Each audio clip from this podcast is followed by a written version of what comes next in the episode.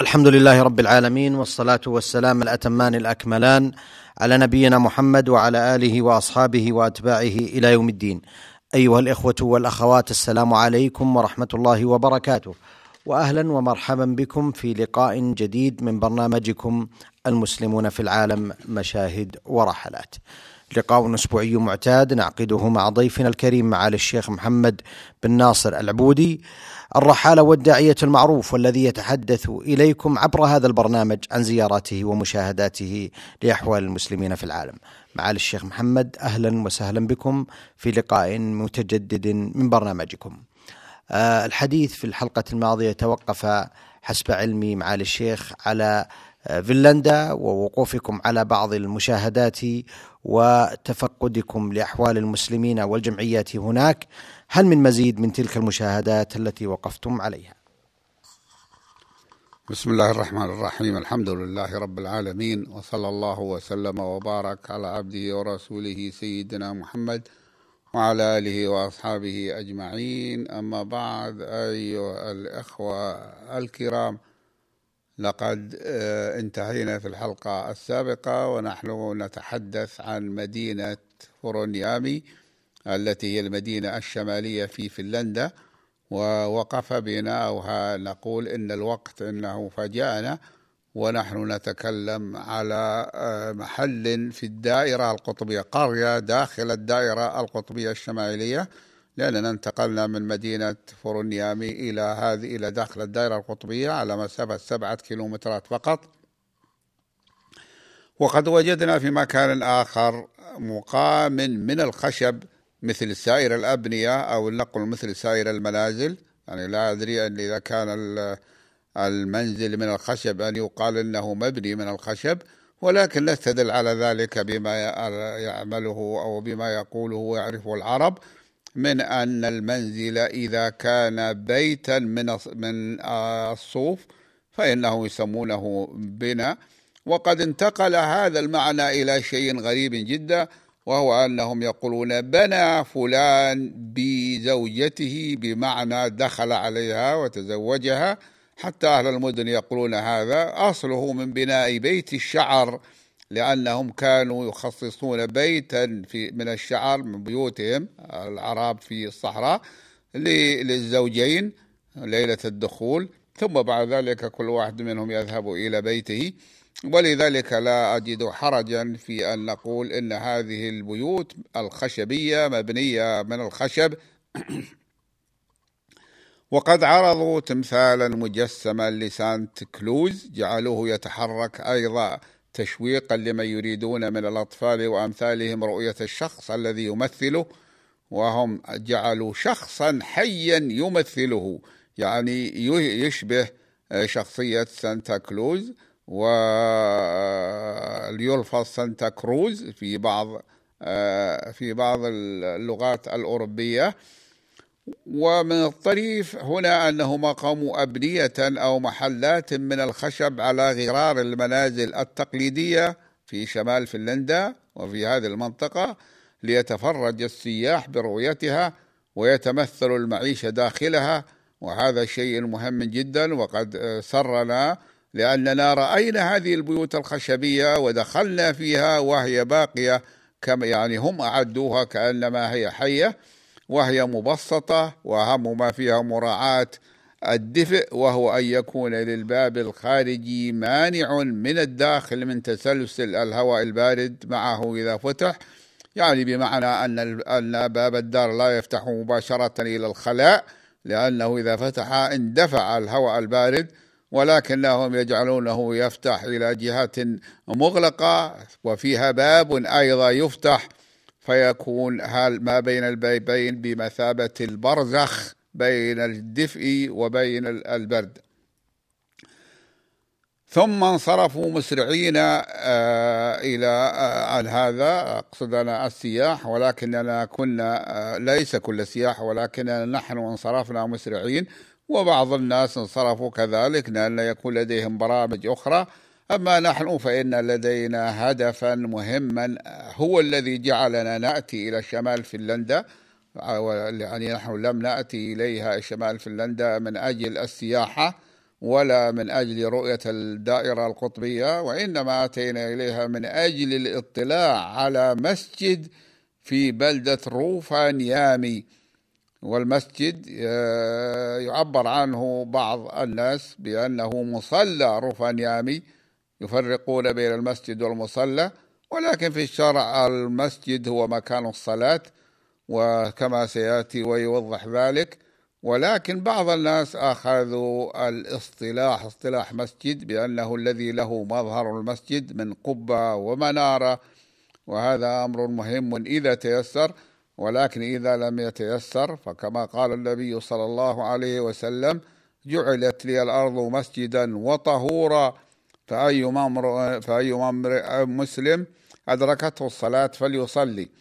فهذا يعتبر مسجدا بلا شك على هذا الاعتبار ولكنه لا يعتبر مسجدا ذا مظهر والمظهر ليس من العبادة ولكنه وسيلة من وسائل جذب الناس. لا أقول أنه ينبغي أن يكون المساجد لها مظهر آه، مظهر يشاد ولكننا وجدنا أن هنالك فائدة كبيرة من وجود المسجد بمظهره لأنه يدل الناس على أنه نفسه المسجد موجود ولا بد أن يكون فيه شخص يعطي الناس ما يريدون أن يعرفوه عن الإسلام من أوراق أو نشرات أو نحو ذلك. ثم إن المسلم نفسه يعرف يرى المسجد الغريب المسلم الغريب فيدخل فيه ويصلي. ثم إنه فوق ذلك دليل وشاهد على وجود مسلمين ووجود الدين الإسلامي في هذه المنطقة لكن هؤلاء الأخوة الموجودين في رفان يامي عددهم قليل وهم معظمهم من الأجانب من ناحية التجنس الجنسية فليسوا متجنسين بالجنسية الفنلندية. ليس معنى ذلك أن كل المسلمين في فنلندا غير متجنسين بالجنسية الفنلندية. ولكن هؤلاء بالضبط لأن البلاد بلاد هذه المدينة قاسية السقف قاسية الجو في الشتاء فالمسلمون يأتون إليها يبحثون عن العمل وعن الرزق ولكنهم في الأماكن الأخرى في الأماكن التي تعتبر معتدلة نسبيا في جنوب فنلندا هم بعضهم أو كثير منهم لا أقول أكثرية المسلمين ولكن كثير من المسلمين هم من أصول فنلندية من أهل البلاد وليسوا أجانب.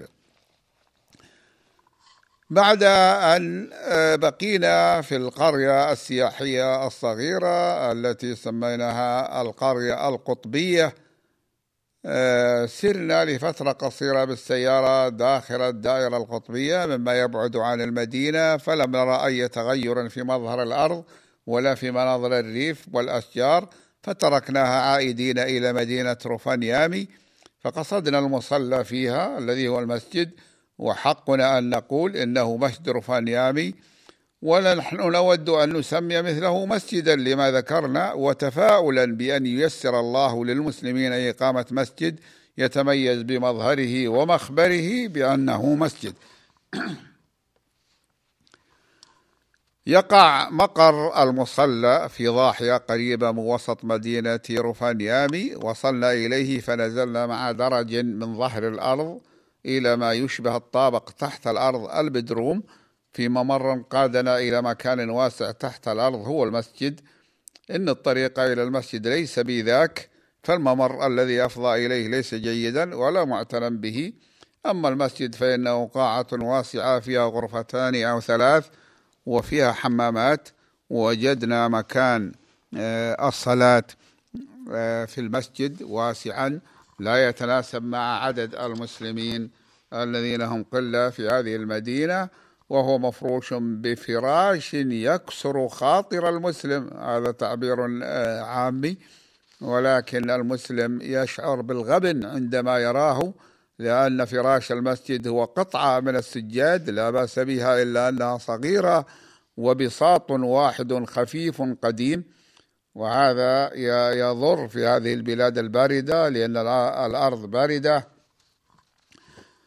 وجدنا في المسجد الأخ علي ياسين من أكراد إيران ويعرف قدرا من العربية. وقد جاء للصلاة المسجد. كما وجدنا الأخ نهار السلامة من مصر. وهو الذي يؤذن في المسجد. ووجدنا أيضا الأخ اسمه أخ ثالث اسمه علي محمد من الأردن.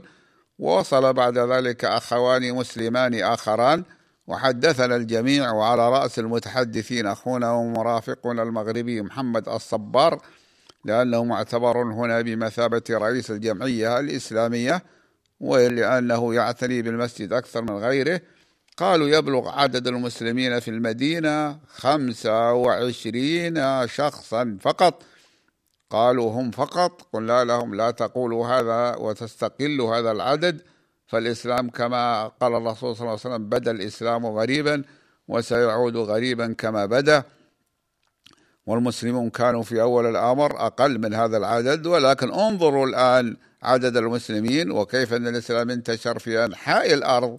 وفي أماكن أقل من هذه البلاد وفيها فيها مسلمون أكثر فأنتم لا تستقروا هذا العدد بشرط أن المسلمين يجتهدون في الدعوة إلى الله وفي أن يكونوا قدوة حسنة بين الآخرين وقدوة حسنة لأبنائهم وذراريهم وزوجاتهم وأهلهم. قالوا يبلغ عدد المسلمين في المدينة خمسة وعشرين مسلما. منهم خمسة عشر من الإخوة الأكراد من إيران. فيهم آه اثنان وهم يشجعون العمل الإسلامي ويساعدون عليه. لذلك يدفعون للمسجد ما يستطيعونه من أجل دفع أجرته ومن أجل النفقات الأخرى المتكررة كالتدفئة والكهرباء.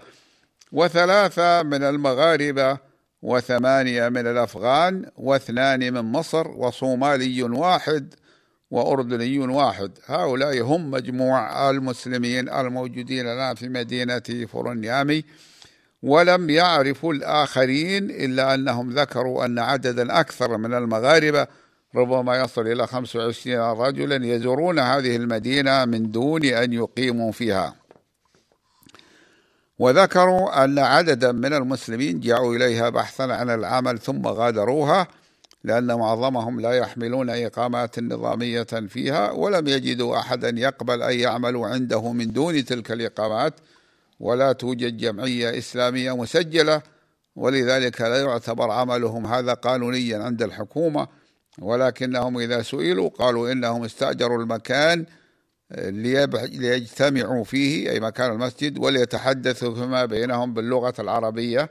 وهذا أمر قانوني لا ينكر عليهم لكن لو قالوا أنهم اتخذوه مسجدا لقيل لهم أين الرخصة وأين الجمعية التي تشرف عليه وإلى آخره. لكنهم ذكروا هذا اللي قالوا أننا نجتمع ونتحدث فيه بالعربية وهذا صحيح. فكلهم يعرفوا العربية. ويتحدثون في المسجد ويصلون في بينهم. لا أحد يتدخل في شأن صلاتهم ولا أحد يتجسس عليهم. ذكروا أن عدد الذين يحضرون لصلاة الجمعة عشرون إلا أنهم قالوا لأن أكثرهم رحلوا إلى الجنوب الفنلندي ويصلي الجمعة الآن خمسة عشر في المتوسط. وقد افتتح المسجد في عام 1966 واستأجروا المكان بإيجار شهري هو 500 مارك أي أكثر قليلا من 100 دولار أمريكي في الشهر.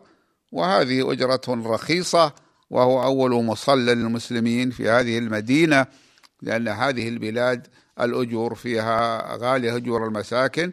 ولكن هذا ليس فيه آه، مساكن آه، مؤثثة وهذا أشبه ما يكون بما يسمى بالبدروم وهو الطابق تحت الأرض أو الطابق الأرضي. تأملت المصلى فوجدت أنه يحتاج حاجة عاجلة لفراش والفراش هنا ليس ترفا كما يكون عليه الأمر في بلادنا ونحوها من البلدان الدافئة ولكنه ضروري لشدة البرودة المنبعثة من الأرض في الشتاء. صلاة الظهر أيضا مهمة لا بد أن نتحدث عليها عنها وصلاة الظهر تستحق أن ينوه بها هنا.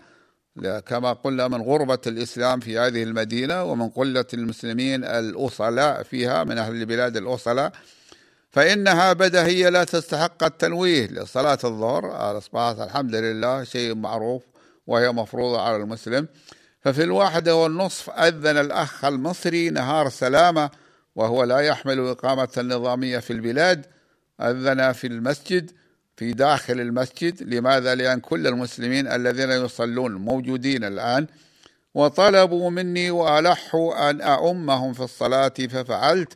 وبعد الصلاة ألقيت فيهم كلمة وكان حضر عند الصلاة اثنان أو ثلاثة مع الذين كانوا موجودين في المسجد من قبل.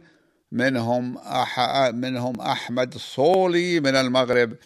فذكرت لهم سرورنا بوجود المصلى في هذه المدينة الشمالية النائية من فنلندا وأن الأخوة المسلمين فيها على قلة عددهم قد فكروا في إيجاد مصلى لهم يؤدون فيه الصلاة جماعة مع قلة ذات اليد عندهم.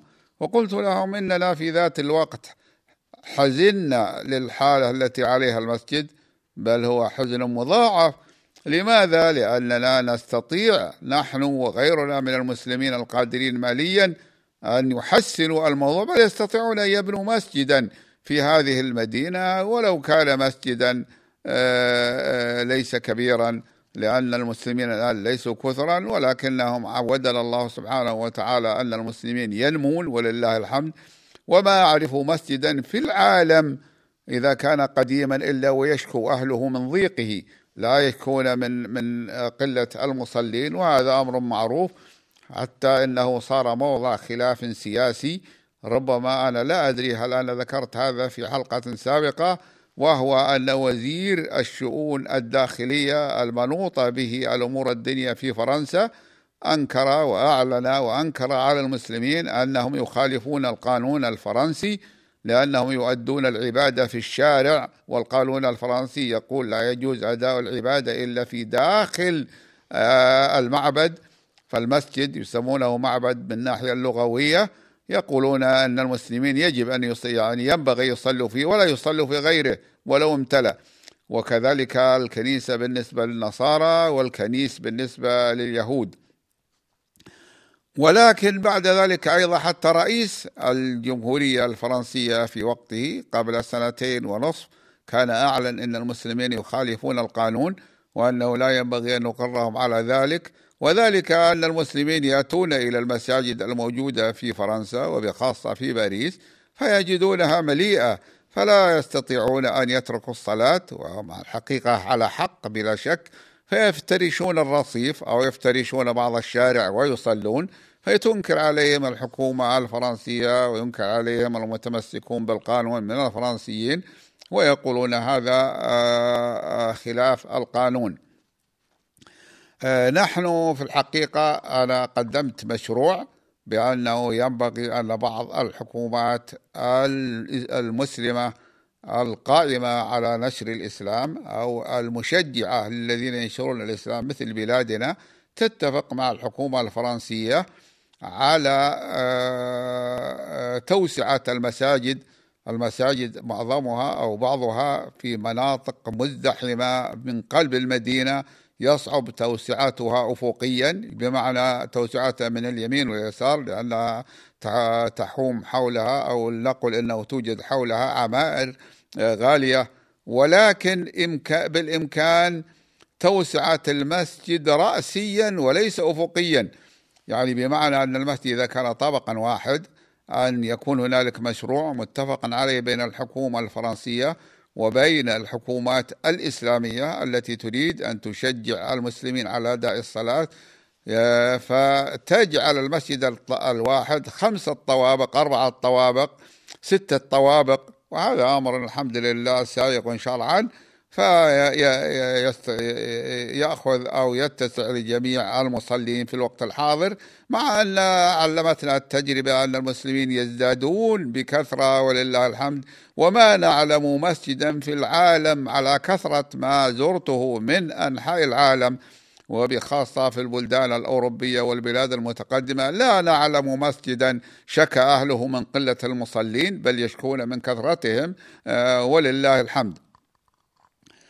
فنحن أضرب مثل على ذلك أنا جربته هذه الفكرة ليست من عندي ولكن زرت مدينة سرينيغر عاصمة ولاية كشمير التي تحتلها الهند وزرت أهل الحديث فيها وهم في لهم مكتب يسمونه في مكان يسمونه بربر شاه أي منطقة بربر شاه من جزي من آه، مدينة سرينيغر عاصمة آه، كشمير.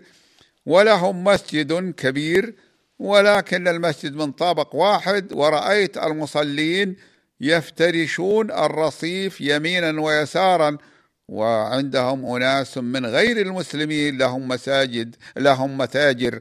فالذي يأتي يرى حالة المسلمين محزنة أنهم يبعدون عن المسجد لأنه يمتد الشارع. ثم لما جئت إليهم بعد سنتين أو ثلاث وجدت هذا غير موجود فتعجبت أول الأمر إلى أن أخبروني بأنهم جعلوا المسجد خمسة طوابق فصار جميع المسلمين يصلون داخل المسجد وذهبت هذه التي كان يراها المسلمون وغيرهم نشازا وهو أن يستمر الصف بين اللي يبيعون الذين يبتعون ويشترون ويفعلون ما ينافي الخشوع في الصلاة.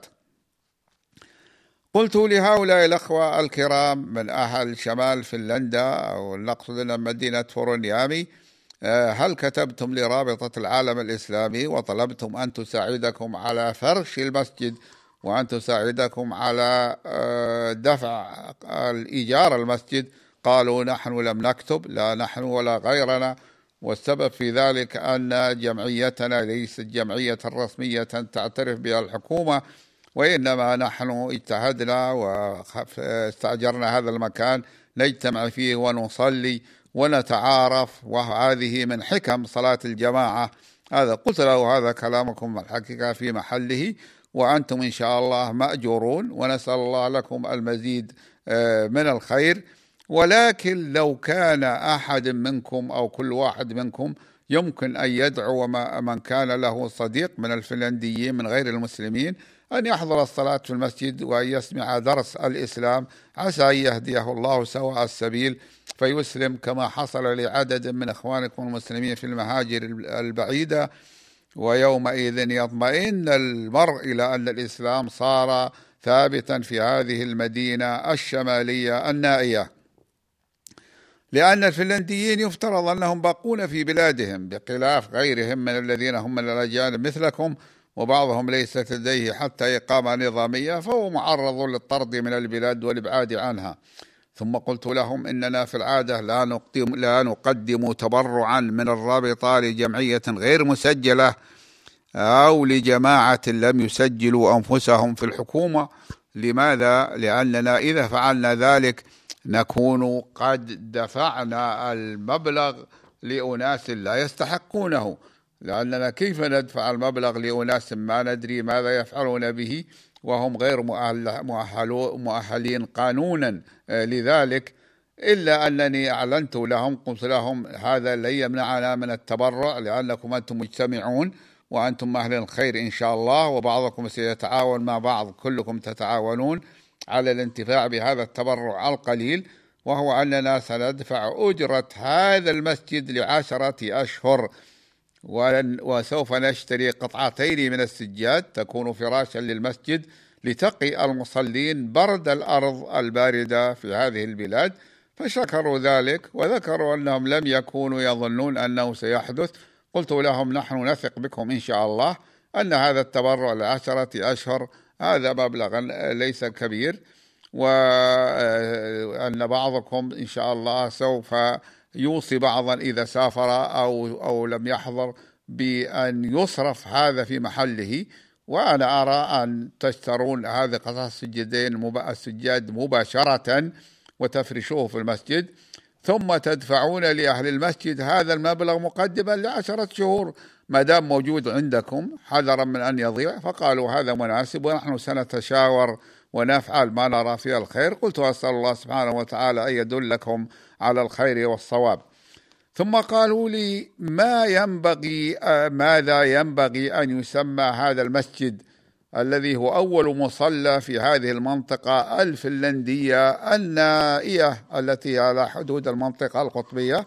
قلت سموه مسجد الغرباء أو مسجد الصابرين أو مسجد الدائرة القطبية.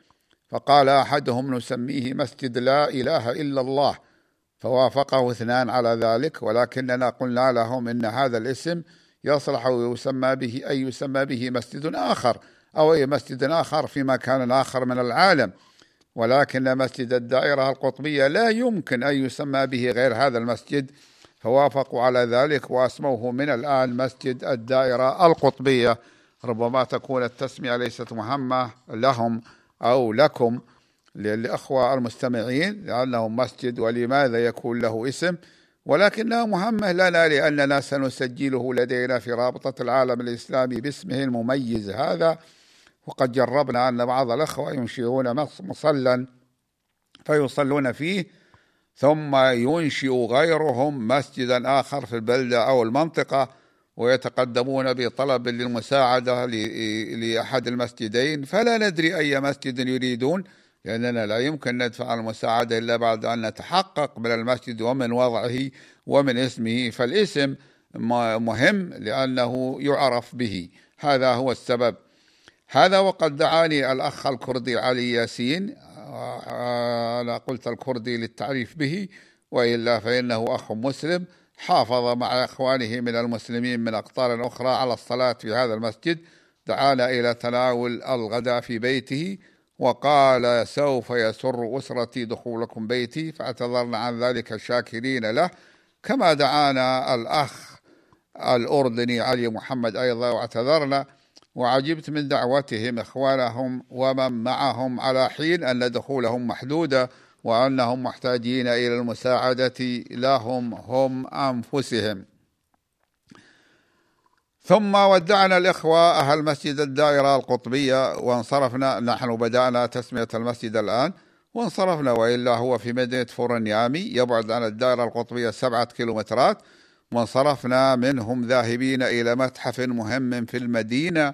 بحيث يرون أن كل ما يأتي من يأتي إلى المدينة يستحسن أن يطلع عليه لأن فيه معروضات ورسومات وصورا وإيضاحا لا توجد في غيره.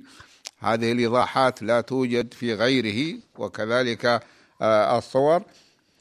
وأكثرها يتعلق بالمنطقة القطبية وما يعيش فيها من حيوان ومن يعيش فيها من أناسي وهم شعب اللاب المتقدم. ذكره كان وقت الغداء قد أزف أو أوشك أن يزول فرأينا أن نتغدى في مطعم تابع للمتحف يقع بجانبه ولا بد في هذه البلاد الباردة من أن يكون في المرافق العامة مطعم حتى لا يضطر الإنسان يتجول في الجو البارد بحثا عن مطعم فدلونا على المطعم وهو مجهز وهو ذو أطعمة محدودة ولكنها نظيفة ومفيدة. عمادها السمك والبطاطس وهما تتوفران ورخيصان هنا وكان غداء الواحد منا بتسعة دولارات ونصف ونحن خمسة دفعنا أقل قليلا من خمسين دولارا آه، أمريكيا. وقد أكلنا من سمك السالمون الممتاز الذي يكثر في هذه المناطق في البحيرات والأنهار ويصطادون منه مقادير ضخمة ويصدرون منه مقادير ضخمة زايدة عن حاجتهم. وذلك لأنه من أفخر أنواع السمك كما هو معروف في العالم. ثم دخلنا إلى المتحف واسمه آركتلو بمعنى القطب أو القطبي بلغتهم. أول ما يشاهده الداخل إليه مجموعات كبيرة من الصور الشمسية التي تصور كيفية صيد السمك التي تصور كيفية صيد سمك السالمون وكيفية إعداده للتصدير. وذلك أن هذا النوع من السمك وبخاصة المدخن منه يباع غاليا في البلدان الأوروبية وغيرها وأول ما عرفته أنا كان يقدم في وجبات الطعام التي تقدم قبل الوجبة الرئيسية لركاب الدرجة الأولى في طائرات الشركات العالمية. فالمدخن منه هو فاخر فهو ليس مطبوخا بطبيعة الحال لأن السمك لا يطبخ إلا أنواع منه. وهو ليس مشويا كذلك ولا مقليا وإنما هو مدخن بمعنى أنه موضوع قرب النار وإن لم تلمسه النار إلى أن ينضج. وقد ذكروا بعض مزايا سمك السالمون هنا ومن ذلك أن جلده سميك في هذه المنطقة حتى يقيه برودة الجو الشديدة. ومنها أن وزن السمكة الكبيرة الواحدة منه يبلغ عشرة كيلو عشرة كيلو جرامات وعرضوا واحدة في المتحف فائقة الكبر.